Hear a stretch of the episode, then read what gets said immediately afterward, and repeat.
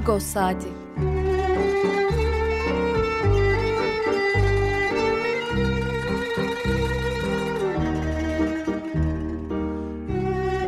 Haftalık Agos gazetesinin penceresinden Türkiye ve dünya gündemi. Agos'un mutfağından haberler, söyleşiler, olaylar.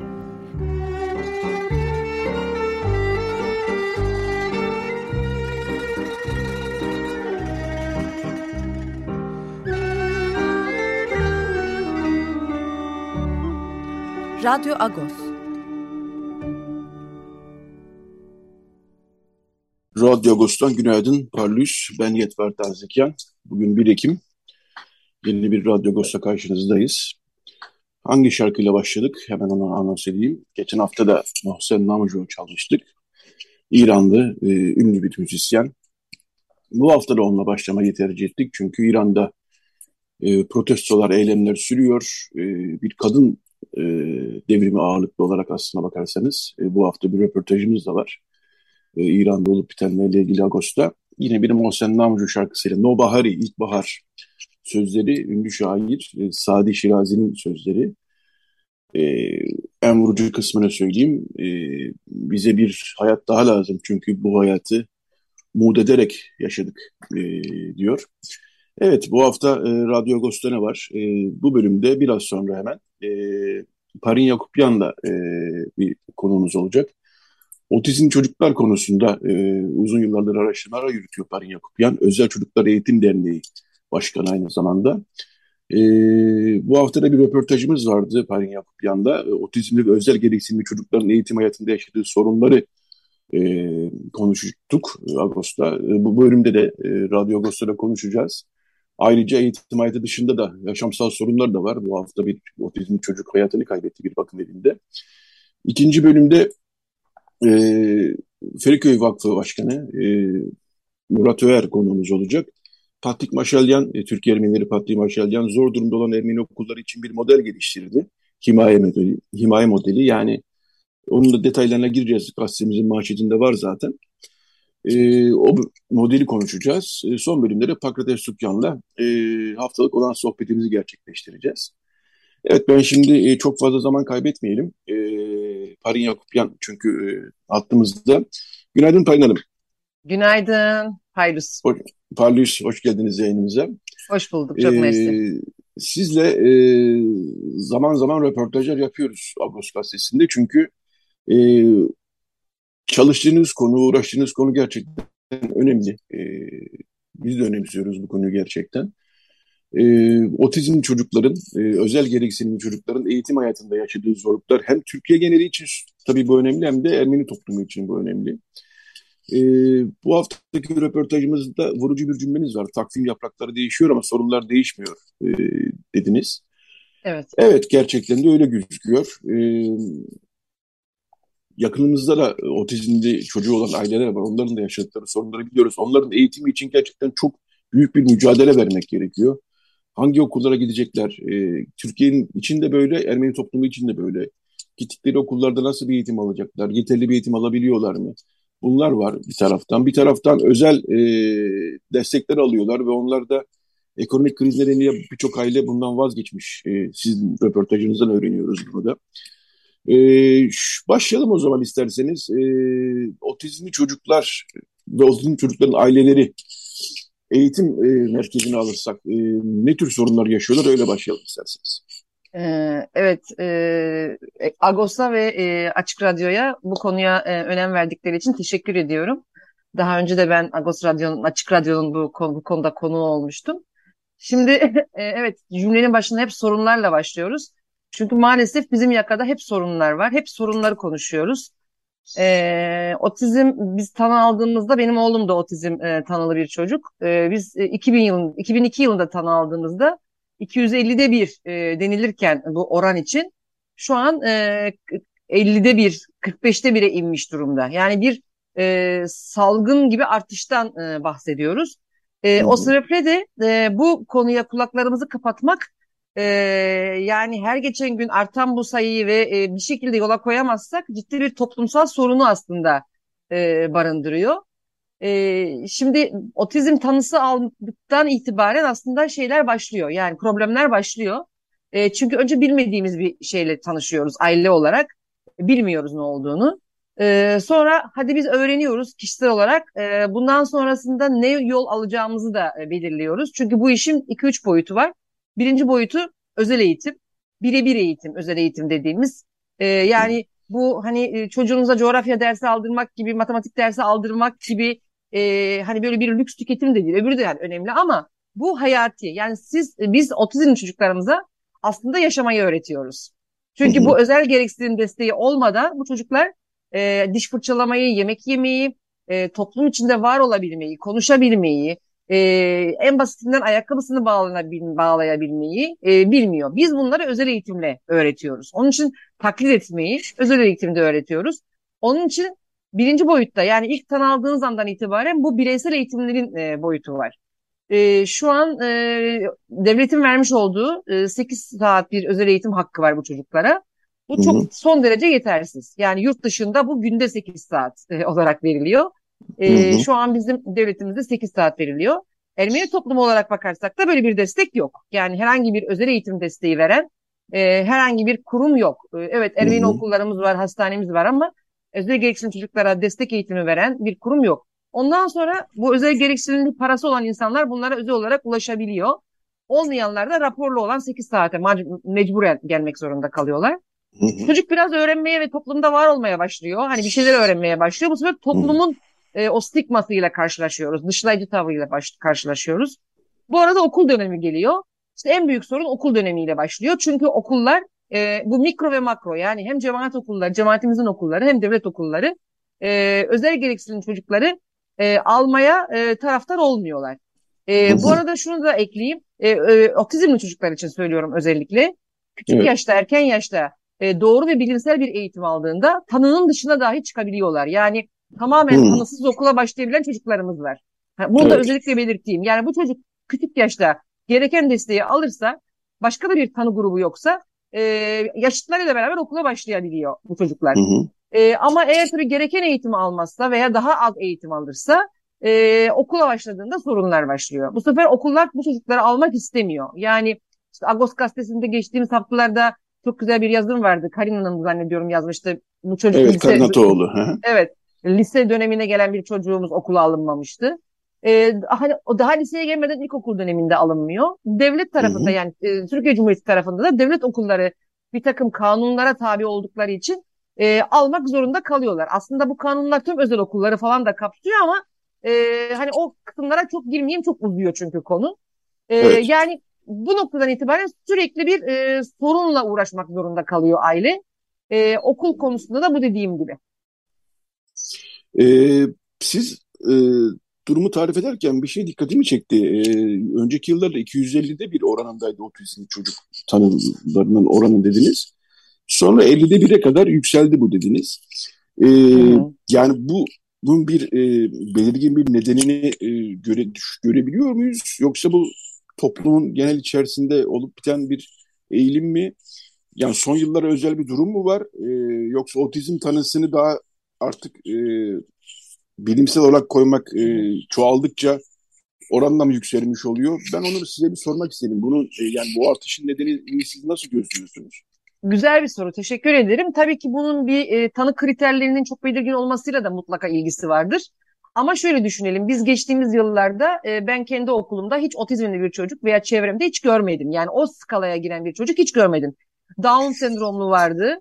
E, zihin engelli vardı ama otizmli çocuk hiç hatırlamıyorum. Bilmiyorum sizler hatırlıyor musunuz? Ama evet. şu anda hepimizin yakın aile çevresinde dahi artık var. Yani e, biz şu anda bunu sadece tanı kriterlerine bağlayamayız. Çok ciddi bir artış var. Bunun sebebi e, pek çok şeye bağlanıyor. İşte genetik olarak bir mutasyondan bahsediliyor. İşte bu sosyal hayattan kopuş, işte artık eskiden sokaklarda büyüyen çocuklar şimdi apartman dairelerinde televizyonlarla e, büyütülüyor. E, işte daha e, küçük çevrelerde büyüyoruz, sosyal çevrelerde büyümüyoruz. Ya bunların da etkisi vardır. E, ama bozulmuş bir şey de var. Yani işte beslenme düzeni bozuldu, hava bozuldu. E, eskisi gibi daha doğal şartlarda değiliz. Bunların hepsi zannediyorum e, otizmi tetikliyor. Ama bu sadece otizm değil. Mesela e, o, e, dikkat eksikliği ve hiperaktivite de çok ciddi bir artış var. Yani eskiden küçük sınıflarda oturan çocuklar görürken şimdi gidin okullara okuyan oturan çocuklar neredeyse hiç göremiyorsunuz. Yani e, hani bir hareketlilik gerçekten var çocuklarda ama otizmde de çok ciddi bir artış var.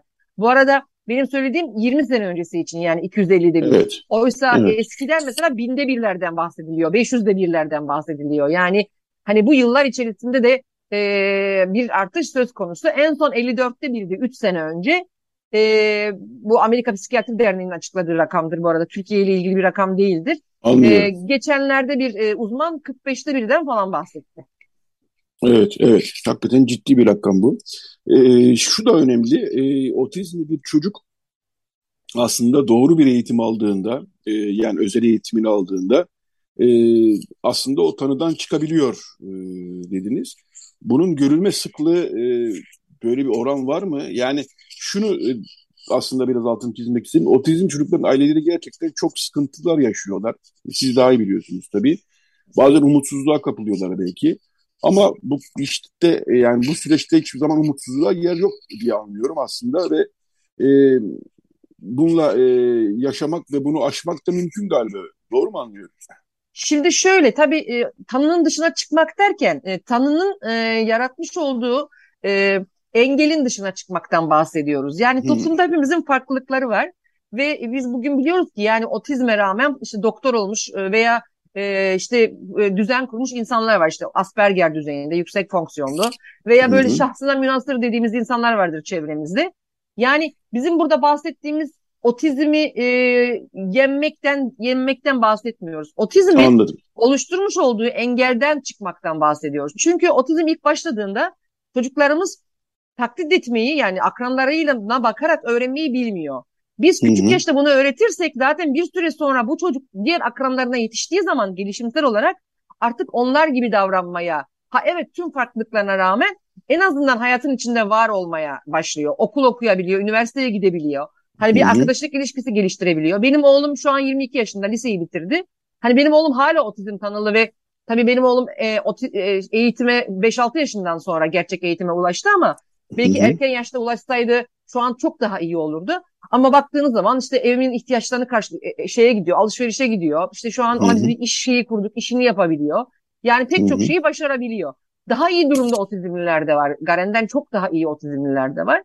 Yani amacımız çocukları erken yaşta tanılamak ve yo doğru ve yoğun e, bilimsel eğitimle onlara tüm verebileceklerimizi verebilmek. Ha alamayanlar da oluyor. Çok ağır otizmler de oluyor. Yani otizmin yanında mental sorunları olanlar olabiliyor. Epileptik problemler yaşayanlar olabiliyor. Tabii bunlar daha yavaş ilerliyor bu tip çocuklar. Ama sadece salt otizmde ve zeka problemi de yoksa bu çocuklar topluma karışabiliyor. Biz bunu görüyoruz. Doğru ve yoğun eğitimle. Evet bu çok önemli. Ee, şunu da gözlemliyorum bir taraftan. Yani okullar e, kabul etmek istemiyorlar. Biraz da bizim toplum için söylüyorum bunu. Dediğimiz zaman okulların yanısına sarıyorum. E, diğer bir de veli, veli direnciyle karşılaşıyor e, galiba değil mi? Yani e, evet. veliler de yani benim çocuğumun sınıfında otizmli birisi e, olmasın diyebiliyorlar. Ne yazık duyuyoruz evet. kulağımıza geliyor. Evet. Bu sanıyorum biraz otizmin ne olduğunu da bilmemelerinden mi kaynaklanıyor? E, yani sanki çocuk ya o sınıfa böyle bir bütün düzeni bozacak birisi mi gelecek gibi anlıyorlar. E, halbuki evet. böyle değil. E, biraz bu konu üzerine durmak lazım gibi geliyor. Evet. Ne dersiniz? Çok güzel bir soru yine. Çok doğru bir soru. Şimdi evet farklılıklara her zaman tepkiliyiz. Çünkü ne olduğunu bilmiyoruz. Biz e, tek örnek e, yaşamayı seviyoruz. E, ama artık farklılıkları da her açıdan kabul etmek zorundayız. Bir kere evet bu bilmemezlikle ilgili bir durum. Yani bilmediği için başına ne geleceğini bilmiyor. İkinci durumda şudur. E, bu, burada çok önemli olan e, kolaylaştırıcı kişi denilen kanunda bir e, şey var, madde var. Yani biz bu çocukları kaynaştırma eğitimiyle yani kaynaştırma eğitimi demek akranlarıyla birlikte aynı okulda okuyabilir demek. Çünkü hı hı. onu da belirtmek lazım. Her çocuk kaynaştırma eğitimi alamıyor. Daha ağır çocuklara zaten devlet kaynaştırma eğitimi vermiyor. Kaynaştırma hı hı. eğitimi alan çocuklar zaten nispeten daha iyi olan çocuklar. Kaynaştırma hı hı. eğitimi olan bir çocuk e, okula başladığında mutlaka yanına kolaylaştırıcı kişi koy, koyabilmek her açıdan çok iyi oluyor. Hem çocuğu korumak hı hı. ve adaptasyonunu sağlamak hem de diğer çocukların ve öğretmenin daha az yorulmasını sağlamak. Bu çok hı hı. mümkün. Yani okullarımız aslında bu tip bir yatırma yani stajyer öğrencilerle bile biz bu işi yapabiliriz. Daha önce ben e, bir dönem hay okuluna vermeye çalışmıştım oğlumu. e, öyle bir dönemimiz var ve almamışlardı. Yani kısa bir dönem gitmişti ve biz yapamayız demişlerdi. Şu anda da değişen bir şey yok. Yani 20 sene evvel neyse şu anda da aynı. Çünkü bununla ilgili herhangi bir destek veya yatırıma girmek istemiyorlar. Şunu söylüyorlar. Bizim okullarımız e, bu çocuklara e, eğitim verme düzeyinde değil. E, e, o düzeye gel, eğit kendini. Ben dernek olarak e, biz mesela daha önce birkaç okula gittik. E, web eğitimi verdik. Bu çocuklara nasıl davranılması gerekiyor öğrettik. Biz bunu herhangi bir karşılık beklemeden yapmaya hazırız hala. E, ama bu konuda biraz herkes taşın altına da elini koyması lazım. Yani çocuğun annesi de bu e, şeyin altına taşın altına elini koyacak. Yani ben verdim senin okuluna ne yaparsan yap değil. Bu bir ekip işbirliği. Özel eğitim desteğiyle, e, aileyle, e, eğitimciyle, okuldaki destek öğretmenle, kolaylaştırıcı kişiyle sağlanacak bir başarı. Ve bu yapıldığı zaman da yurt dışında pek çok örneği var. Çok da başarılı bir e, çalışma oluyor. Yani biz liseyi bu şekilde bitirdik Garen'le. Ve biz okuldan ayrılırken herkes bize teşekkür etti. Yani inanılmaz bir hayat dersi verdiniz bize dediler. Çok doğru örnekler de var. Hı hı. Neden bunu başaramayalım? Yani bunu başarabilmek mümkün. Ben e, tüm cemaatimizin üst düzey okul yetkililerine, tüm yönetim kuruluna hep bu konuda sesleniyorum. Lütfen farklılıklara kapatmasınlar. Eğer onlar bizim çocuklarımıza e, sistemlerini açarlarsa tabii ki biz de destek olacağız. Tabii ki bir sistem kurulacak. Şu andaki altyapıyla olması ben de kabul ediyorum biraz zor. Ama hı hı. bugün başlayalım, iki sene sonra mükemmele ulaşalım. Yani hani almıyoruz demekle olacak bir iş değil bu. Hı hı. Evet, almıyoruz demek çözüm değil ee, evet. en azından. Bir hı hı. yerden başlamak gerekiyor. Evet. Ee, kolaylaştırıcı e, öğretmen e, doğru mu anlıyorum? Yani normal doğru. okulun kendi öğretmenlerinin dışında bir öğretmen sadece işi otizmle veya da özel gereksinim olan çocuklarla ilgilenmek. Ee, evet. Ee, yani sabahtan akşama kadar o da okulda olacak değil mi? Öyle evet. anlıyorum. Evet. E, gölge öğretmeni diyorduk eskiden. Şu Hı-hı. an yönetmeliği kolaylaştırıcı kişi olarak girdi. Tamamen yani entegrasyon öğretmeni gibi de diyebiliriz. Enka okullarında bu eskiden mesela vardı.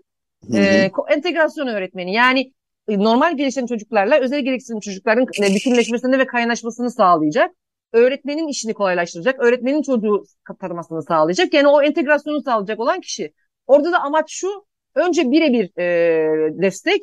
Sonra yavaş yavaş sınıf içerisinde daha uzağa gitmek. Sonra yavaş yavaş kapının dışına çıkmak. Sonra sınıfın dışı vesaire. Yani burada Anladım. da kademeli olarak bir uzaklaştırma tabii söz konusu. Ama öğretmenlerimiz sınıfa maalesef ki birini istemiyorlar. Bir de şöyle bir durum var. Onu da bahsedeyim. Kolaylaştırıcı evet. kişinin e, ödemesini devlet yapmıyor. Yani bunu e, okul ya okul yapacak. Okullarında bütçesi var mıdır buna bilmiyorum. Ya da Hı-hı. aile yapacak. Tabii ki her ailenin de buna bütçesi olmayabiliyor. Bu durumda da devlet diyor ki aile de girebilir kolaylaştırıcı kişi olarak sınıfa. Ee, yani bu da mümkün. Yani ailenin eğer ekonomik imkanı yoksa, okul herhangi bir destek sağlayamıyorsa, stajyer vesaire sunamıyorsa o zaman aileden de ha, çok tasvip etmiyoruz bir annenin veya babanın sınıfta olmasını ama ehveni şer evet. yani hiç yoktan daha iyi. Anladım. Ee, onun entegrasyonu sağlayabilir. Peki sizin çocuğunuz mahsur yoksa sorabilir miyim? Hangi okuldan mezun oldu ve nasıl bir eğitim hayatı oldu? Ee, tabii ki mahsuru yok. Ee, dört, dördüncü sınıfa kadar e, dört okul değiştirdik biz. Dört ayrı okula gitti Garen. E, bu arada Garen 3 yaşında okumuş, 5 yaşında yazmış. Diğer akranlarından birisi olarak da ileride bir çocuktu. E, ama farklılıklara diyorum ya kapalı olduğumuz için e, okul değiştirdik. 4 okul. Dördüncü sınıftan itibaren düzenimiz oturdu. Ve e, biz e, liseyi Aydın Doğan İletişim ve Meslek Lisesi'nde bitirdik. Çok da iyi bir okuldu Aydın Doğan ve e, şu an grafik tasarımla e, ilgili bir alanı var. Üniversiteye kendi gitmek istemedi Garen. E, çünkü dedi ben çok yoruluyorum o seslerden ve benimle insanların uğraşmasından çok yoruluyorum dedi. Ben kendi Instagram hesabımda Garen'le ilgili oldukça hani videolar vesaire paylaşıyorum. Burada da amaç hani umut hep var e, diyebilmek. Artı hı hı. otizmin e, konuşan sesi. Çünkü Garen kendini çok güzel ifade edebilen bir çocuk. E, otizmi biraz ondan anlamak ve hani otizmde insanda neler yaşıyor onu anlamak açısından Garen'i çok sık paylaşıyorum. Benim Instagram hı hı. hesabımdan izleyebilirler. Ve şu anda Garen Otu Dükkan adında bir ona biz Instagram e, platformu kurduk. Orada termos tasarımı yapıyor. Kişiye özel tasarım e, şeyi alıyoruz. Hı hı. Sipariş alıyor kendisi. Ve kişiye özel e, termos siparişi yapıyor. Ve bir şekilde Anladım. hayata tutunmaya çalışıyor. Evet. Çok güzel. E, son 2-3 dakikamız kaldı aslında. E, bu hafta bir de tatsız bir haber, üzücü bir haber okuduk e, gazetelerde. O, otizmli 20 yaşındaki bir e, kişi e, Mehmet Eres e, bakım evine bırakılmış ve o bakım evinde e, hayatını kaybetmiş. İddialara göre orada kötü muameleye maruz kalmış. E, böyle durumlar da e, bir taraf Türkiye geneli için söylüyorum. E, ne yazık ki yaşanıyor galiba. E, fakat otizmli çocuğun e, birisinin bakım evine bırakılması için sanıyorum ailesinde ciddi problemler olması gerekiyor ki herhalde bak e, değil mi bu yani bakım evine bırakılacak kadarlık bir otizmden bahsetmiyoruz gibime geliyor. Tamam şöyle anlatayım. Çocuklara biz erken yaşta doğru eğitimi vermezsek bu çocuklar e, 20 yaşına geldiklerinde gerçekten bazen zapt edilemez hale geliyorlar. Konuşmayı bilmiyor, kendini ifade etmiyor. Tek öğrendiği şey şiddetle bir şeyleri elde etmek veya davranış problemleriyle iletişimi bilmiyor çünkü. Yani ver al demeyi bilmiyor. Ve doğru da bir e, eğitim almazsa işte onun için eğitimin öneminden bahsediyorum ya. Yani küçük evet. yaşta doğru eğitimi vereceğiz ki çocuk büyüdüğünde bu duruma gelmesin. Ee, bazen gerçekten ailesi işin içinde olsa bile dayanamaz hale geliyor. Çünkü psikiyatri yetmiyor, eğitim yetmiyor, hiçbir şey yetmiyor bu çocuklara. Ve mecburen bu çocukları bakım evlerine kapatmak zorunda kalabiliyorlar e, aileler. Yani ailesi Hı-hı. olduğu halde bakım evlerine bırakılan çocuklarımız da var. Ama onun dışında bu Mehmet Eres'te anne yok sadece hala bakıyor. Ve e, hala yine bu davranış problemlerinden dolayı zannediyorum 16 yaşında bırakıyor bakım evini. Ama hmm. otizm çocuklara özel bakım evleri pek yok. Yani var da birkaç yok. tane o devlete bağlı bakım evleri. Bunlar özel bakım evleri. Yani e, devletten e, para alan e, ama maalesef denetimleri yapılmayan ve e, engelli çocuğa hazır olmayan yani böyle ağır problemi davranış çocuklara hazır olmayan bakım evleri. Tabii bir de şu da var. E, Yetvat Bey onu söylemek lazım. Aile öldüğünde evet. Çocuk ne yapacak? Nerede yaşayacak? Yani ben öldüm. Benim eşim öldü vefat etti. Ailede de kimse yoksa bu kadar ağır durumda bir çocuk çocuğa kim bakacak? Gene bakım evi. Yani bakım evi her şekilde lazım. Yurt dışında yaşam evleri var. Bakım evi değil ama bizim maalesef, maalesef ülkemizde yok. E, bu yapıların mutlaka e, düzeltilmesi lazım. Yani baştan önce yoğun eğitimle çocuğu kazanacağız e, ve e, evet. bakım evlerinde bir şekilde denetleyerek doğru e, şekilde hizmet etmesini sağlayacağız. Evet, bu da işin önemli bir boyutu. Ee, evet. Çok teşekkür ediyorum Parin Yakupyan e, konuğumuz oldunuz. Özel Çocuklar Eğitim Derneği Başkanı. E, kendisi de bir otizm çocuk annesi. E, Garen'e e, başarılar diliyoruz. Hayatta başarılar diliyoruz. Size de e, sabır diliyoruz. Mücadele yani sadece e, özel değil bütün çocuklar için çünkü mücadele evet. ediyorsunuz. Bütün otizmde özel gereksinim çocuklar için mücadele ediyorsunuz. Ve sizin dediğinizi tekrarladım. Bizim toplumumuzun okullarına da bir çağrıda bulunmak lazım. Bu konuda artık adım atılması gerekiyor. Evet. Türkiye için zaten lazım. Bizim toplum için haydi haydi lazım. Ee, çok teşekkür ediyorum tekrar yayına katıldığınız için, e, görüşlerinizi paylaştığınız için. Perin Yakupyan. Ben teşekkür ediyorum hem size hem Açık Radyo'ya e, bu konuya destek verdiniz, sesinizde ses olduğunuz için. Teşekkürler, kolaylıklar diliyorum size. Çok mersi, iyi yayınlar diliyorum. Sağ olun, teşekkür ederim. Evet, bir şarkıyla devam edeceğiz ee, şimdi. E, Komidas Sartabit'in e, doğum günü 27 Eylül. 8 Ekim olarak da geçiyor ama 27 Eylül aslında e, iki tarihleri kutlandığını görüyoruz. E, Domidas Sartabit'in doğum gününü idrak ettik. E, ünlü derlemeci, besteci, müzisyen.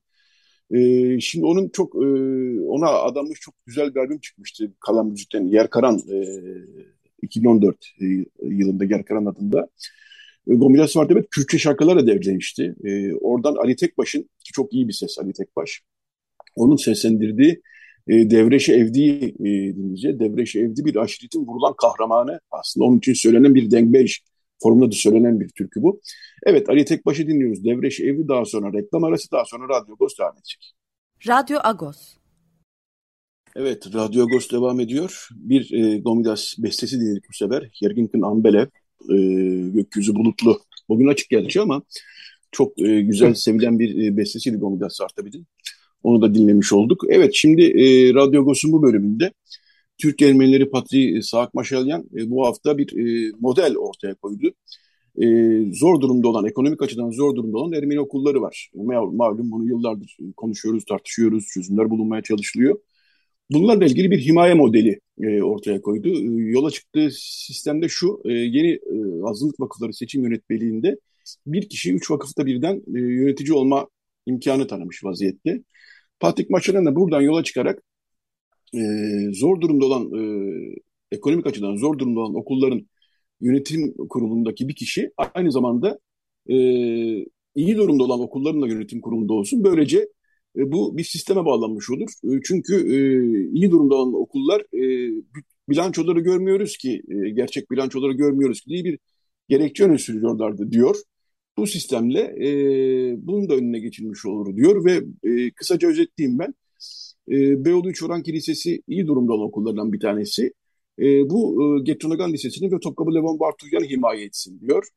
Ortaköy Surpasvazinki Lisesi Vakfı ki bu da iyi durumda olan bir e, okul. O da e, Samatya Sağken Dunya'la Feriköy Merhametçiyan'ı himaye etsin diyor. E, Karagözcan Yetimhanesi Vakfı e, ki o da iyi durumda olan bir okul. Bezciyan Okulu'nu, Kumkapı'daki Bezciyan Okulu'nu himaye etsin diyor. Anadolu yakası için ise e, Kadıköy Aramyan, Kartal, Beykoz ve Surpaş Tıbırıbank vakıfları da Kalfayan Yetimhanesi'ni, Üsküdar'daki Kalfayan Yetimhanesi'ni e, himaye etsin diyor. Bu bir model, bilmiyorum tartışılır e, herhalde diye düşünüyorum. Şimdi e, konuğumuz e, Feriköy Merhametçiyen, Surp Partanans Kilisesi Vakfı Başkanı Murat Över. Hoş geldiniz Akbarik. Hoş gördüm, iyi yayınlar. Teşekkürler. Şimdi biz sizle zaten e, yıllardır konuşuyoruz. Feriköy çünkü ekonomik açıdan sıkıntı yaşayan e, okullardan bir tanesi ve çok da geniş bir e, nüfusa hitap ediyor. Feriköy Kurtulu çünkü Ermeni toplumunun yoğun yaşadığı bir sem. Buna rağmen e, işte velilerin e, ekonomik durumları, e, işte Feriköy'ün belki arazi e, sirin, yani gelir getiren e, mülklerin çok fazla olmayışı gibi nedenlerle Feriköy'de evet. bir sıkıntı yaşanıyor. Ee, şöyle başlayayım. Ee, siz bu modeli e, Patrik Maşkalde'nin e, Badyar Kayır e, ortaya koyduğu modeli e, duyduğunuzda e, neler düşündünüz? İşleyebilecek bir sistem mi bu? Olabilecek bir sistem mi bu? Neler dersiniz? Öyle başlayalım. E, şimdi tabii ki e, biz bir şekilde sivil yöneticiler olarak e, bazı sıkıntılarımızı yıllarca dile getirdik. Bunu e, bir şekilde e, toplum e, buna nasıl bir tepki verdi? Hiçbir tepki vermedi. Hiçbir şekilde ilgilenmedi ve hep aynı şekilde devam ettik yıllarca. Her yıl geldik size davetiye getirdik. Derdimizi anlattık. Sağ olun siz de toplumla paylaştınız. Ee, Batyar Kayır'ın bu çıkışı bence e, toplumdaki bazı şeylerin sistemsiz olması ve e, maalesef fazla duyarlı olunmaması, bu 9 yıl e, seçim yapılmamasının da etkisiyle e, sonuçta bir ruhani liderimiz olarak kendisi tabii ki tek başına de, olduğunu düşünmüyorum. E, yine evet. bilen bu eğitim hadisesiyle ilgili, vakıf, vakıf hadisesiyle ilgili e, bir şekilde briefingler alarak böyle bir model ortaya çıkardı. Yani bugüne kadar olmayan bir şeydi. Yani başka modeller olmadığı için biz bunu e, açıkçası tartışmak değil de en azından böyle bir modelin yaşayıp yaşamayacağını denemek zorundayız diye düşünüyorum. E, sonuç olarak buradaki toplumun e, vakıflarının e, yaygınlığı ve toplumun e, cemaatin belli yerlerde yoğunlaşmasından dolayı çıkan bir sıkıntı bu. E, velhasılı bunu dengelemek yani e, cemaatle cemaatle tüm cemaatin gelirlerinin e, uygun şekilde ve gerekli şekilde paylaşılması için e, bir başlangıç olarak düşünüyorum. Evet, e, bunu geçen pazar günü e, Samatya'nın madağı vardı aslında. Orada ipuçlarını verdi Patrik Maşalyan. Ve e, şunları da söyledi yani e, Hrant, e, Dink Hrant Ahbayik e, sağlığında e, havuz, ortak havuz konusunu çok gündeme getirmişti. Bu bir türlü e, niyeyse hayata geçemedi. E, buna da atıfta bulundu. O ortak havuz belki yapamayız ama havuzcuklar e, yaratabiliriz dedi. Evet. E, şimdi ben e, ben olabilecek bir şey gibi geliyor. En azından denenmesi gereken bir şey gibi geliyor bana. Kendi kişisel görüşümü söylüyorum açıkçası. Evet. Ee, burada e, benim e, düşündüğüm e, bir şey e, risk e, tabii biz ne diyoruz herkes e, yani her vakıf için birkaç en az iki liste yarışsın yani madem seçim yapıyoruz e, en az iki liste yarışsın diyoruz. E şimdi e, o vakfın e, yöneticisinin olduğu liste değil de öbür liste eğer kazanırsa ne olacak diye bir soru var bütün listelerde e, böyle bir e, modele gidildiği zaman da çok ciddi bir organizasyon gerektiren bir şey bu gerçekten. Yani herhalde üst üste toplantılar listelerin buna göre hazırlanması yani iki rakip liste varsa iki rakip listere de e, bu sistemi uygun adayların e, yer almasını gerektiren e, yani biraz ilerledikçe karmaşıklaşan bir sistem e, gibi geliyor bana bu. E, ama ben kendi adıma bunun denenmesi gerekebilir. Yani denemekten zarar gelmez en azından e, dediğim bir model bu. Bilmiyorum evet. ne dersiniz? Denemekten zarar ben, gelmez diyebilir miyiz? Yani evet ben de sizde hemfikirim. Ayrıyeten e, Samatya Madağı'nda Badyar Kayır aslında bu sizin e, yani genel karmaşayla ilgili de aslında bir açılımda bulunduğunu düşünüyorum. E, orada tabii ki en e, doğal her e, hay vatandaşın cemaatine hizmet etmek, ve gelip oy kullanmak gibi bir efendime söyleyeyim e, şeyi var. Yani bir önemi var.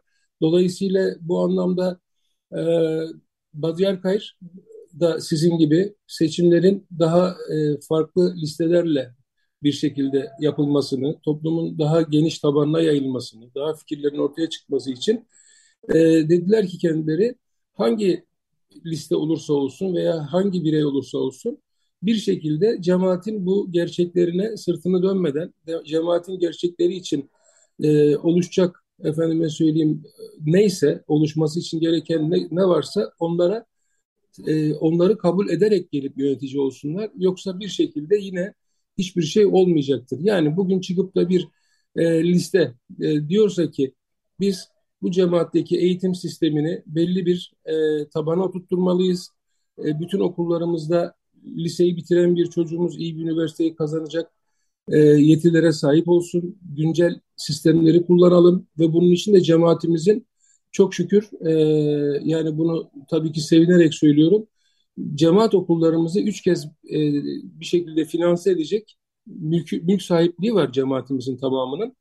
E, iş böyleyken e, bizim her geçen gün geriye doğru giden bir eğitim düzenimiz var. Çünkü dünya çok çabuk ilerliyor. E, ve bizim buna ayak uydurmamız için iyi eğitimcilere ihtiyacımız var. Eğitim öyle bir şey ki hani e, bugünden yarına oluşup da sonucunu görebileceğimiz bir şey değil. Ama en azından nasıl bir yol e, çizileceği ta 2010 yılında e, Sev Vakfı'nın e, vasıtasıyla bir cemaatin genel problemlerinin çözümüyle alakalı. Bunun içinde okulda var, kilisesi de var, her şey var. Toplumun genel problemleri var. Bununla ilgili mesela bir çok güzel bir çalışma yapılmıştı. Bizim e, özellikle eğitim konusunda bizim e, okul kurucumuz Sayın Avilis Hacı'nın başkanlığında ve ben çok iyi biliyorum ki maalesef cemaatte çok vakıf çok e, vakıf bunu açıp okumamıştır bile. Çünkü e, insanlar zorda olup veya ihtiyacı olduğu zaman bir şeylere bakıyorlar. E, geçen gün çok da komik bir şey yaşadım. TED Ajanda'da bu e, Ortaköy Vakfı ile ilgili ikinci listenin arkadaşların tanıtımı vardı. E, orada e, Allah rahmet eylesin diye bizim oradaki bir üye arkadaşa tanıtım şeyine hani hep alışık ya insanlar TED Ajanda'da e, cenaze ilanları falan çıkıyor. Evet. Yani artık bir tanesi de isyan etti. Altına açıklama yazmış ki kardeşim Allah aşkına biraz okuyun yani. Adam seçime gidiyor, kendini tanıtıyor. Sen Allah rahmet eylesin diyorsun. Yani şu anki toplumun e, şeyi e, bu, bu, bu olaylara ilgisizliği aşikar. Dolayısıyla evet. biz, bizler e, bir şekilde yönetici vasfıyla 4 veya 5 yıllığına buraya geliyorsak en azından bunu bunun hakkını vererek toplumun problemlerine iyi niyetle yaklaşarak çözeceğiz biz bunu. Yani bugün e, 8-10 bin lira maaş verdiğiniz bir öğretmenden e, çıkıp da yani nasıl bir performans bekleyebilirsiniz veya neyin hesabını sorabilirsiniz? E, yani bir kere burada iyi eğitimci bizim zaten cemaatimizin içinde istihdamla da sağlanması adına e, bizim yerine göre gazeteciye de ihtiyacımız var. Öğretmene de ihtiyacımız var. Mühendise de ihtiyacımız var. Gerekiyorsa kalfaya da ihtiyacımız var. Yani burada asıl olan e, cemaat aslında bir hani ülke gibi, küçük bir ülke gibi düşünüp istihdamını evet. da ihtiyaçlarına göre çok da e, iyi şekilde çözebileceğimize inanıyorum yani. Bunun örnekleri çok. Yeter ki evet. iyi niyet olsun, yeter ki sabır olsun biraz. Çünkü bu e, hani büyük futbol takımlarının gidip e, pahalı bir futbolcuyu parayı verip alıp getirip de takımda hiçbir şeye yaramaması gibi oluyor böyle ani hareketler. Yani bizim Anladım. tabandan artık yani geç de olsa güç olmaması için bizim e, bugünden itibaren bu seçimden sonraki yöneticilerin iyi eğitimci, iyi eğitim ve neden olmasın e, bir üniversitede bir kürsümüzün olması bunlar hayal değil. Bunlar evet. yapılabilen şeyler. E, ve e, çocuk da kendini e, hem toplumuna yakın hissedip e, Badiyarkımızın çok güzel bir lafı vardı. İnsanın hayatını pergele benzetiyor. Pergelin malum biliyorsunuz bir iğnesi olan yeri var ki sabit. Evet, sivri tarafı. E, biz hayız, evet biz hayız. Ha, onun dışındaki pergelin e, ayağını istediğiniz kadar açabilirsiniz. Yeter ki hay olan sizi yani kendi kişiliğinizi kaybetmeden yani kazanımlar elde edebilirsiniz. Bizim biz bu noktadayız açıkçası. Yani benim de bunca evet. yıllık e, yöneticilik ve iki de evlat babasıyım. Çocuklarımı okuttuğum bir dönemde Evet. Bu biraz da ülkemizle de alakalı bazı şeyler. Mesela ben e, iki tane çocuğumu okuturken e, okul bitene kadar sekiz tane bakan değişti bu ülkede. Evet. Yani anlatabiliyor muyum? Yani şimdi bazı şeyler e, hani büyükler de küçüklere örnek olmalı gibi bir durum var ya mesela. E, evet. Yani bu da bir handikap. Yani günü kurtarmak adına yapılan şeyler maalesef e, sabun köpüğü gibi sönüyor. Bizim e, bunca yüzyıllardır e, bugüne kadar gelmiş olan ne bileyim kültürümüzü, dilimizi yaşatmak için biraz daha e, zaman ve e, emeğe ve maddiyata ihtiyacımız var. Bunun için de her hangi arkadaşımız gelip yönetici olacaksa hangi vakfımızda bunu göz ardı etmemelerini ben e, arzu ederim açıkçası. Anladım. E, Feriköy Okulu'nun maddi durumunu da istiyorsanız kısaca konuşalım. E, çünkü siz iki sene kadar önce e, bir mada öncesi bizim e, Agos'u ziyaret etmiştiniz ve artık e, çok fazla mülkümüz yok ama onları satmaya başlama noktasına geldik demiştiniz. E, evet, o noktadan evet, biraz yani, uzaklaştınız mı yoksa hala o noktada mı?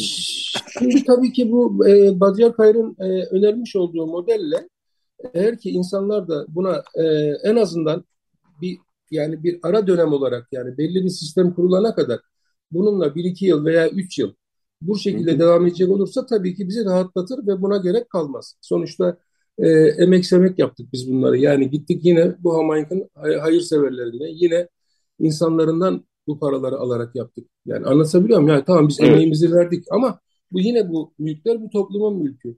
Yani benim dünya görüşüm şu.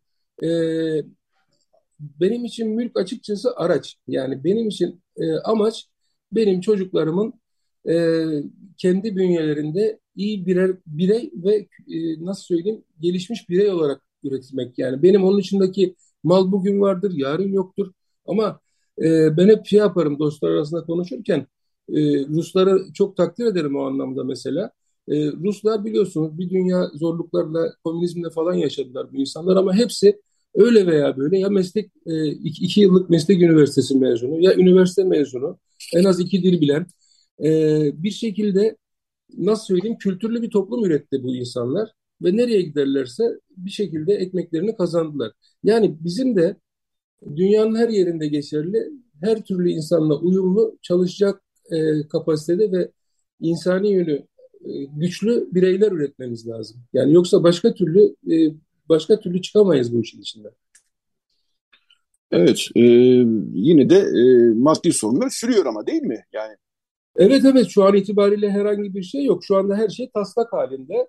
Badcar Kayr'ın e, bir şekilde ortaya koymuş olduğu e, ve bence de çok da olumlu eğer ki uygulanırsa sonuçlar alınacağı Ha, bu tabii ki bir geçiş projesi olabilir. Evet. Yani parası olmayan her zaman para ver. Ama biz bir şekilde e, Çinlilerin dediği gibi yani balık tutmayı öğretene kadar evet. bir şekilde e, vatandaşı öldürmeden balık vermemiz mecburi.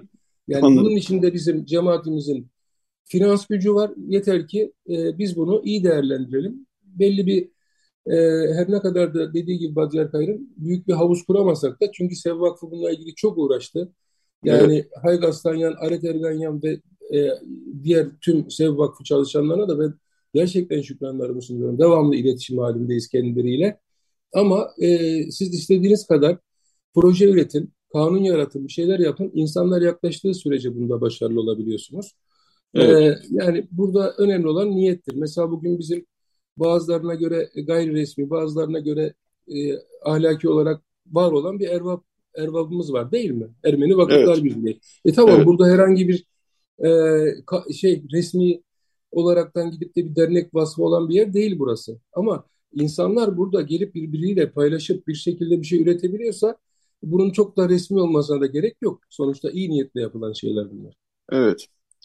Ee, son iki birkaç dakikamız e, şunu da söyleyeyim. E, bu yıl e, çünkü okulların bir kısmı Ermeni okullarından bahsediyorum e, öğrenci e, kaybından da bahsediyorlar. E, hatta bu yıl biz bir geçen hafta e, teker teker topladık bütün e, yani yeni yönetim yılında kaç öğrenci var Ermeni okullarına diye. Geçen yıla kıyasla 100 kişilik bir düşüş gördük ama bunun dışında evet. birçok okul müdürü de ya bilhassa e, 4 artı 4'ün son iki yılında birçok veli çocuklarını alıyor ve koleje götürüyor ve oradan sınava girmesi için e, yani lise. Bunu inanır mısınız? Bunu bizim kendi cemaatimizin içindeki mesela lisesi olan okullardan bile yani ben bunun birebir şahit olmadım ama e, birinci dörtten sonra e, çocuğu buraya getirmezseniz lise okunmasıyla alakalı bizim e, bir şekilde yani kadrolaşmamızda sıkıntı olabilir. Biz ileri görmemiz için birinci dördü bitirdikten sonra bize getirmeniz gerekir gibisinden hı hı. böyle bir sözler var. Yani diyelim ki Feriköy'ü bitirdi, X bir lise. Ya sen geldin ama yani alttan benim öğrencim yetişti. Ben veya az öğrencim olduğu için ona göre az öğretmen kadrosu veya az e, branş açtım deyip bu çocuklara böyle bir korku vermişler ve de bu da insanları e, madem ki böyle hani bir şekilde de zaten e, malum çok çabuk insanlar kolaya kaçarlar evet. ve veya çocuklarının geleceği için e, riske girmezler. E, alıp direkt herhangi bir maddi durum olan direkt koleje götürüp e, olmayan da direkt lisesi olan bir okulun e, birinci dörtten sonra kaydını alması için böyle hmm. bir e, nahoş da bir şey var. Yani sanki kimin malını kimden çalıyorsun, ne yapıyorsun, ne ediyorsun. Yani sonuçta zaten bizim okullarımızda okuyan çocuklar bizim birincil olaraktan Ermeni okullarımıza gidiyor. Yani başarılı evet. olduğu halde yine başarılıysa eğer bir lisemiz ki bu örnektir Getronagan Lisesi mesela. E, Getronagan Lisesi'ne e, ben de duydum, çok üzüldüm. Bu yıl her yıl 100 kişiye yakın öğrenci talebi gelirken bu yıl daha az olduğunu duydum. Üzüldüm çünkü bunlar hep e, insanların bir şekilde gizli yani bir şekilde örs, üstü örtülü e, aba altından sopa göstermekle e, çocukların geleceğiyle oynamak çok yanlış ve tehlikeli olduğunu görüyorum. Ben hatırlarsanız size her geldiğimde katıldığımda bizi kabul ettiğinizde şunu söyledim. Estağfurullah. Ee, yani arkadaşlar yani biz bir şekilde bu bedava bedava bedava okul olayının bizim cemaatimize çok büyük zarar vereceğini söyledim ve maalesef haklı çıktım. E, çünkü bedava olan hiçbir şey insanlar için de muteber olmuyor. Belki geçici bir rahatlık yapıyor ama evet. e, sonrasında insanlar bunu sorguluyor. Yani tamam benim çocuğum 8'e kadar bunu okudu veya hadi liseyi de bitirdi.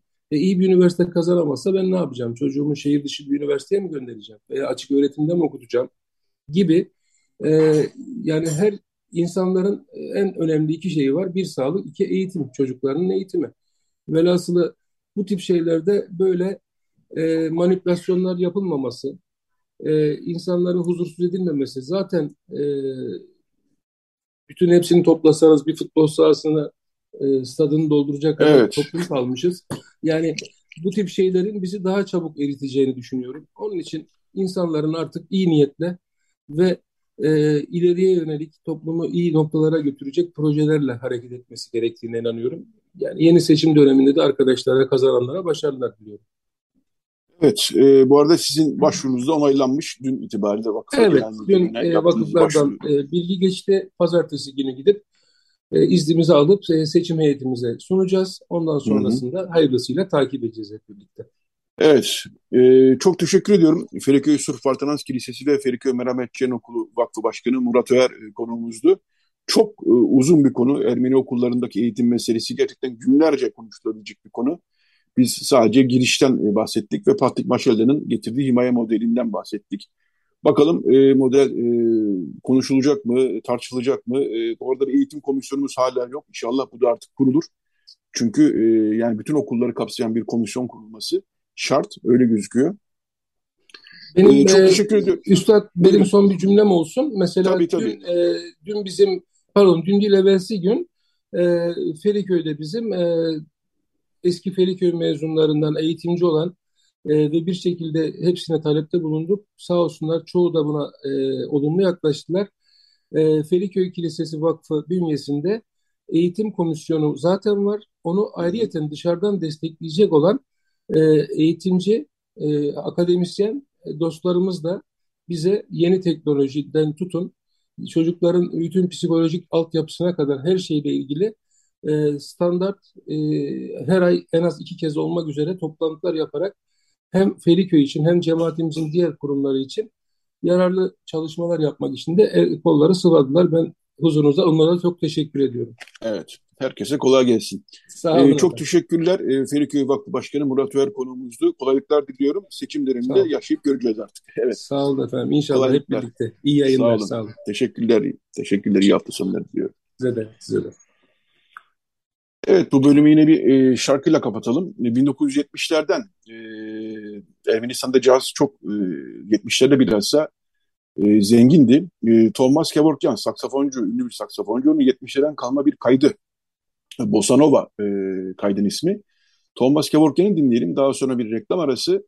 Daha sonra Pakrates Dükkanı'nın haftalık olan sohbetimizi e, gerçekleştireceğiz. Evet Thomas Kevorkian ve Bossa Nova. Radyo Agos.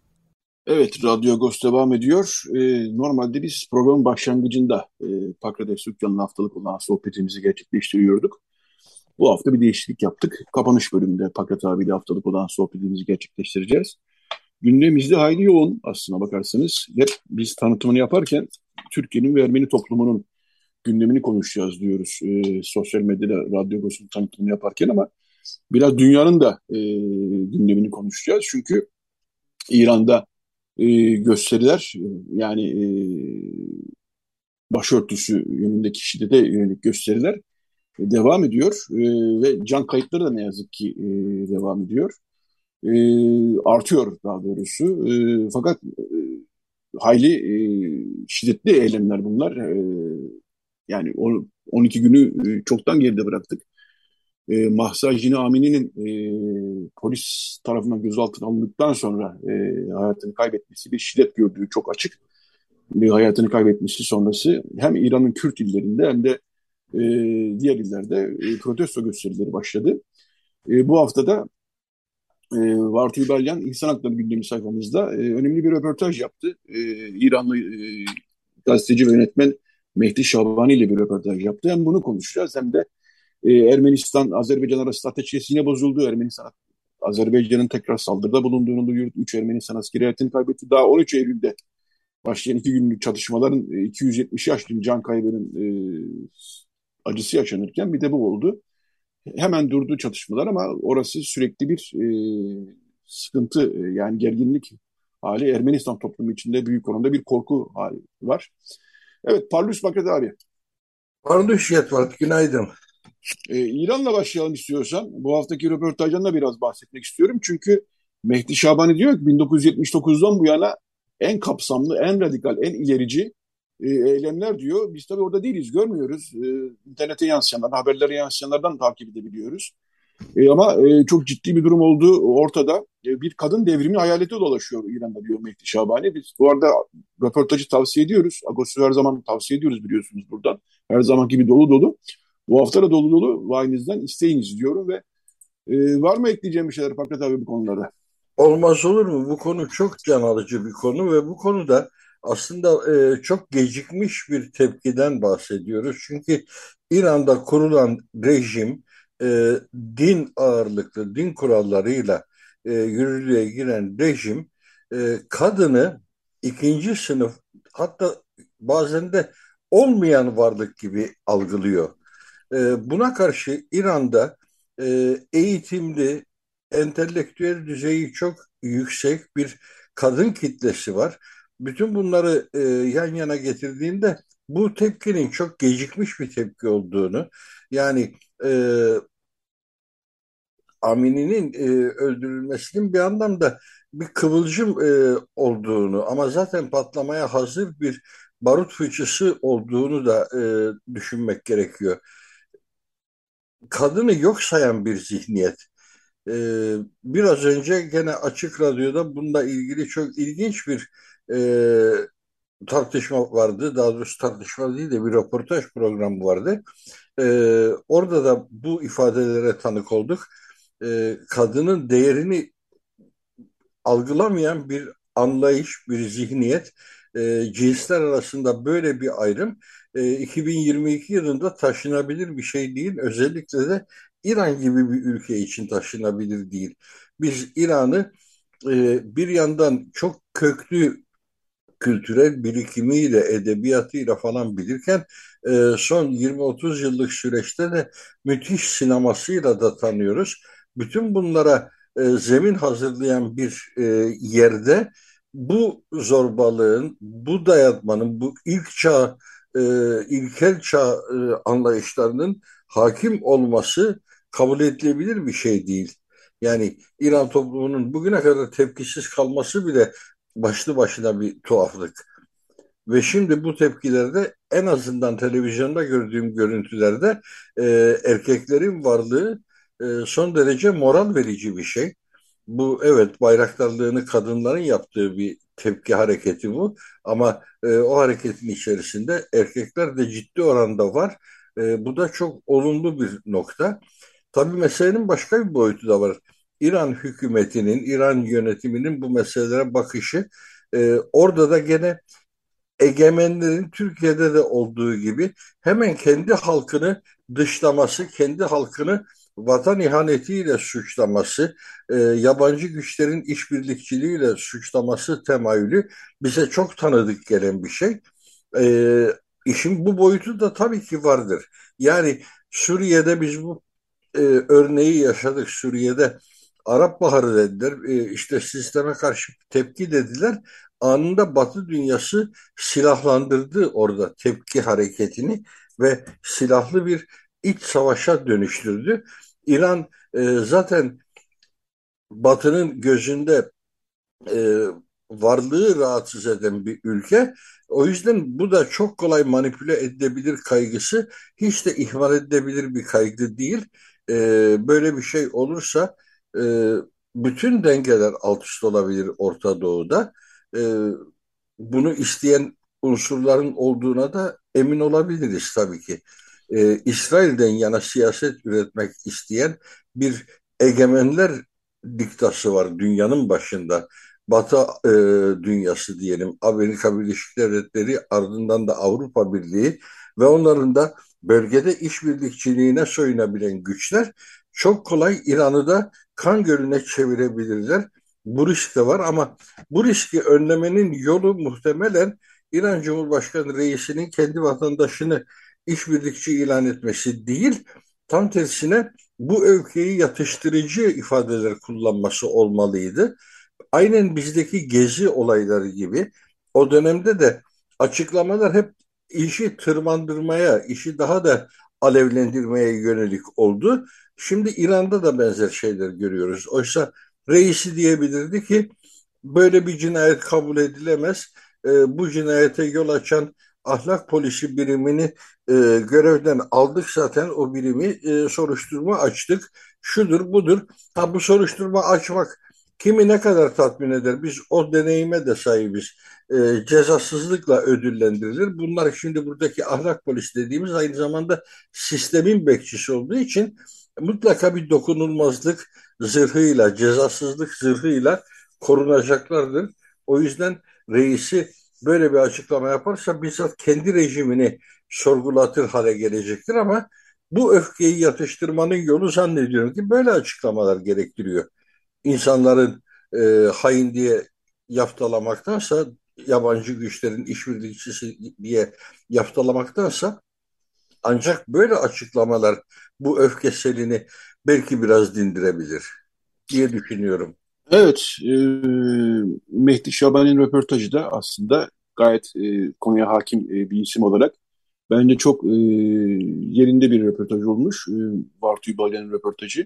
Dediğim gibi e, çok e, bir de şöyle bir şey e, söylüyor ki orada internet kesiliyor tabii İran'da e, bu yaygınlaşmasını herhalde engellemek için ama Mehdi Şaban ne diyor ki 79'da e, internet mi vardı diyor. E, daha doğrusu ona öyle söyleyenler varmış. E, dolayısıyla burada biraz daha böyle uzun sürü tabii bu konularda tahminde bulunmak çok güç. Birdenbire e, devletin bir e, şiddetiyle kesilebilir de nereye varacağını bilmek çok zor ama yine de kadınların e, önde olduğu, e, içinde olduğu bir tabii Kürt olduğu için e, öldürülen e, Amini, Mahsacin Amini, e, Kürt illerinde de çok ciddi bir protestolar var. E, dolayısıyla e, dengelerin epeyce bir sarsıldığı gözüküyor İran'da. E, göreceğiz. E, bir gelişme daha var. Onu seninle konuşmak istedim e, Fakret abi. Geçen hafta oldu bu aslında. Eçmiyaz'inde e, Katolikos Karekin, ikinci Karekin E, bu Ermenistan'a da siyaset bir taraftan muhalifler tabii ataklar e, askeri durum yani siyasi durumda ötürü. E, Paşinyan e, istiyorlar ne zamandır. E, Eçmiyaz'ın Katolikos veya e, ikinci karekin e, Robert Koçaryan'la, Serhi Sarkisyan'la, Levander Petrosyan'la ve Karaban diğer eski yöneticileriyle bir toplantı yapmış ve bu toplantılar devam edecek e, demiş. Buradan tabii e, Veapar'ın da Paşinyan'a karşıtı olduğunu e, hatırlayacak olursak yani Katolikos ikinci karekin de Başbakan Paşinyan'a karşı olduğunu, muhalif olduğunu hatırlayacak olursak buradan bir e, tür şey çıkıyor herhalde. Yani bir hazırlık, bir bilmiyorum sen nasıl karşıladın bu gelişmeyi? Valla benim hayıflandığım şey kadife devrim e, hayata geçtikten hemen sonra yani Ses Sarkisyan'ı istifaya zorladıktan hemen sonra e, oklarını eçmiyazine çevirmişti. Ama ne yazık ki e, o direnci aşamadı, o direnci kıramadı. E, Katolikos biliyoruz ki e, düzenin adamı ama hangi düzenin adamı? Çarpık düzenin adamı, oligarşik düzenin adamı. Kendisi de bir oligark olmaya soyunmuş kilisenin en yüksek mertebesindeki adam, Ermeni kilisesinin en yüksek mertebesindeki şahsiyet e, bir din adamı, dini önder olması beklenen adam kendisi bizzat bir oligark gibi davranıyor. Oligarşik bir yapıyı temsil ediyor e, Bentley'ler hevesi, e, malikaneler hevesi, e, onun yaşam tarzını da açıklayan bir şey haline geliyor. Hani bizim çok sevdiğimiz bir laf var ya Türkiye'de çok sık duyuyoruz itibardan tasarruf olunmaz. O da onu Ermenistan'da uygulayan bir şahsiyet. E, şimdi eski rejimin artıklarıyla e, danışmanlık içerisinde olması onlarla oturup görüş alışverişinde bulunması da hiç hayret verici bir şey değil. Ee, bu rejim aslında yıllar içerisinde öylesine köklü e, temeller atmış ki o oligarşik yapı e, öylesine ondan yararlanan insanlar olmuş ki bir yandan kilise, bir yandan e, diasporayı şekillendiren Taşnak Partisi bunların hepsi o oligarşik yapının yanında e, saf tuttular.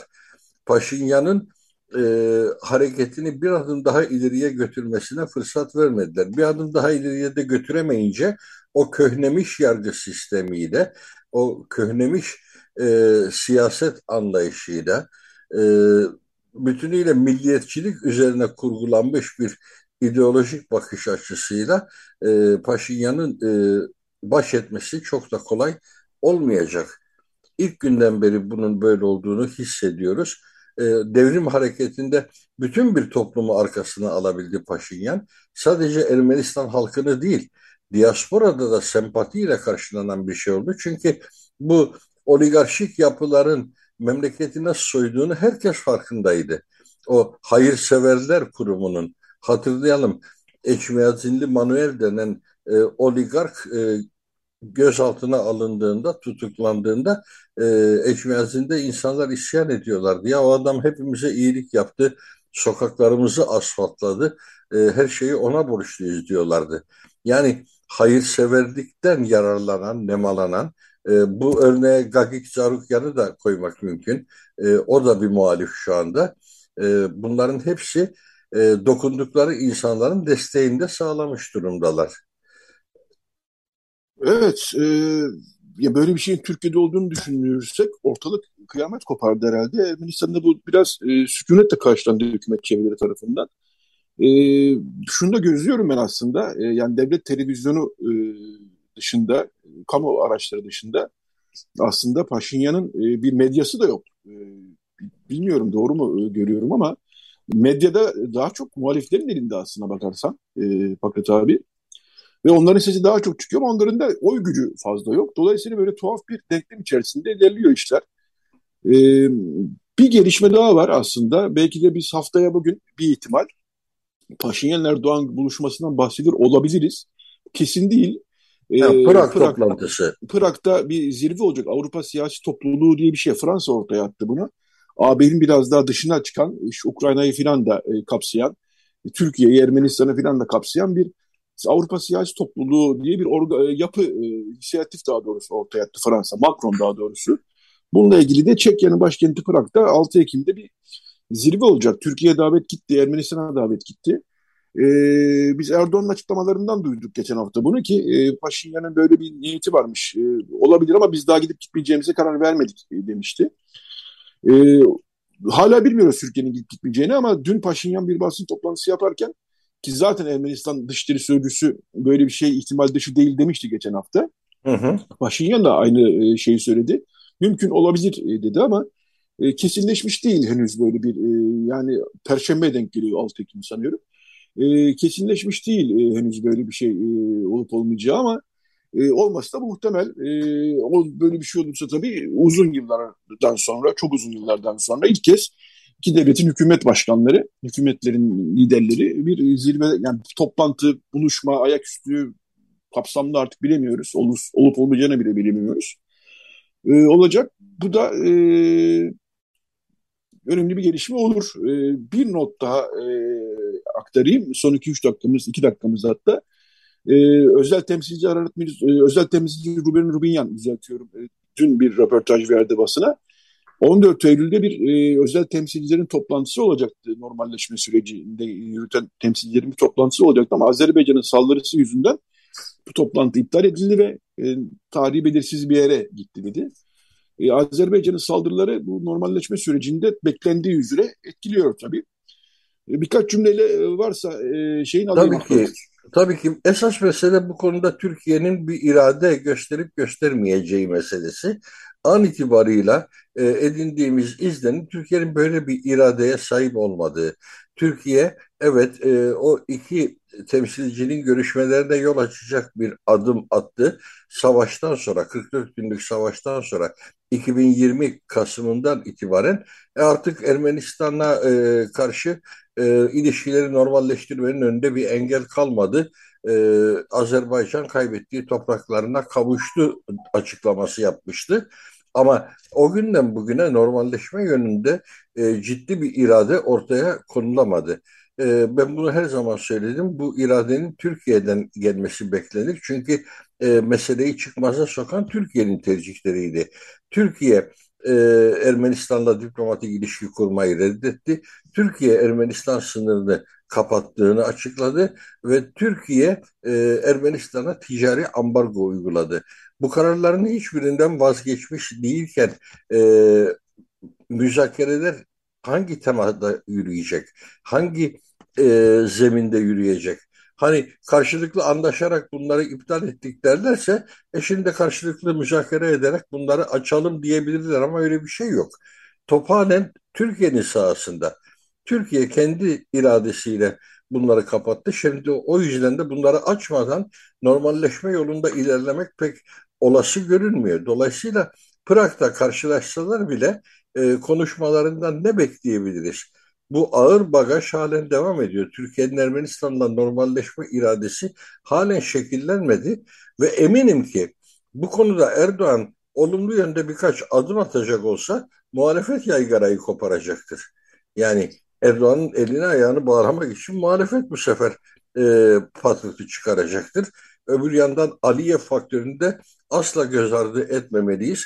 Erdoğan Aliye'nin çizdiği rotanın dışında bir adım atabilecek durumda halen değil ne yazık ki. Halen o siyaseti belirleyen Aliye faktörü var. Evet, yaşayacağız, göreceğiz. Önümüzdeki hafta belki de birkaç gelişme, ciddi gelişme olabilir. Ee, çok teşekkürler Pakrat abi. Pakrat Dükkan'da haftalık olan sohbetimizde bu hafta gerçekleştirmiş olduk. Teşekkür ediyorum yayına katıldığın için. Ee, sana iyi bir hafta sonu diliyorum. Bir mukabele ben de öyle. Teşekkürler abicim. Eyvallah. Evet bu hafta da Radyo Agos'un sonuna geldik. Ee, Recide Beren Baltaş yardımcı oldu. Kapanış şarkımızı yeni bir filmin bize tekrar hatırlattığı bir şarkı e, olarak seçtik. Ee, ben olumlu yönde birkaç... Özcan Alper, e, yönetmen Özcan Alper'i biliyoruz. E, Özcan yani, Alper'in e, yeni bir filmi Aşklar Bayramı e, Netflix'te. E, Netflix'te e, izledik filmi. 2-3 hafta oldu aşağı yukarı. E, Alevi kültürünü de tabii içeren bir film bu. Kemal Varol'un kitabından yola çıkıldı zaten filmde. E, o filmde e, yıllardır yani küçüklüğümden çok iyi bildiğim fakat ne zamandır duymadığım bir şarkıyı duyunca ben de bir hislendim o şarkıyı çalayım dedim ama başka bir yorumda bir güzelin hasreti aslında türkünün ismi. Yandı hayandı diye biliyoruz bunu. Söyleyen Diltengi. Diltengi son yıllarda e, performans sergileyen bir müzisyen. Grup sanıyorlar ama grup değil bir müzisyen, bir şarkıcı. E, Diltengi e, Farsçadan Kürtçe'ye geçmiş. Gönül darlığı, iç sıkıntısı manasına geliyormuş Diltengi. Evet Diltengi'den bir güzelin hasretini dinleyelim e, ve bu hafta da Radyo Kosu kapatalım. Bizden bu haftalık bu kadar. Haftaya yeni bir Radyo Ghost'ta buluşmak üzere. Herkese iyi bir hafta sonu diliyoruz.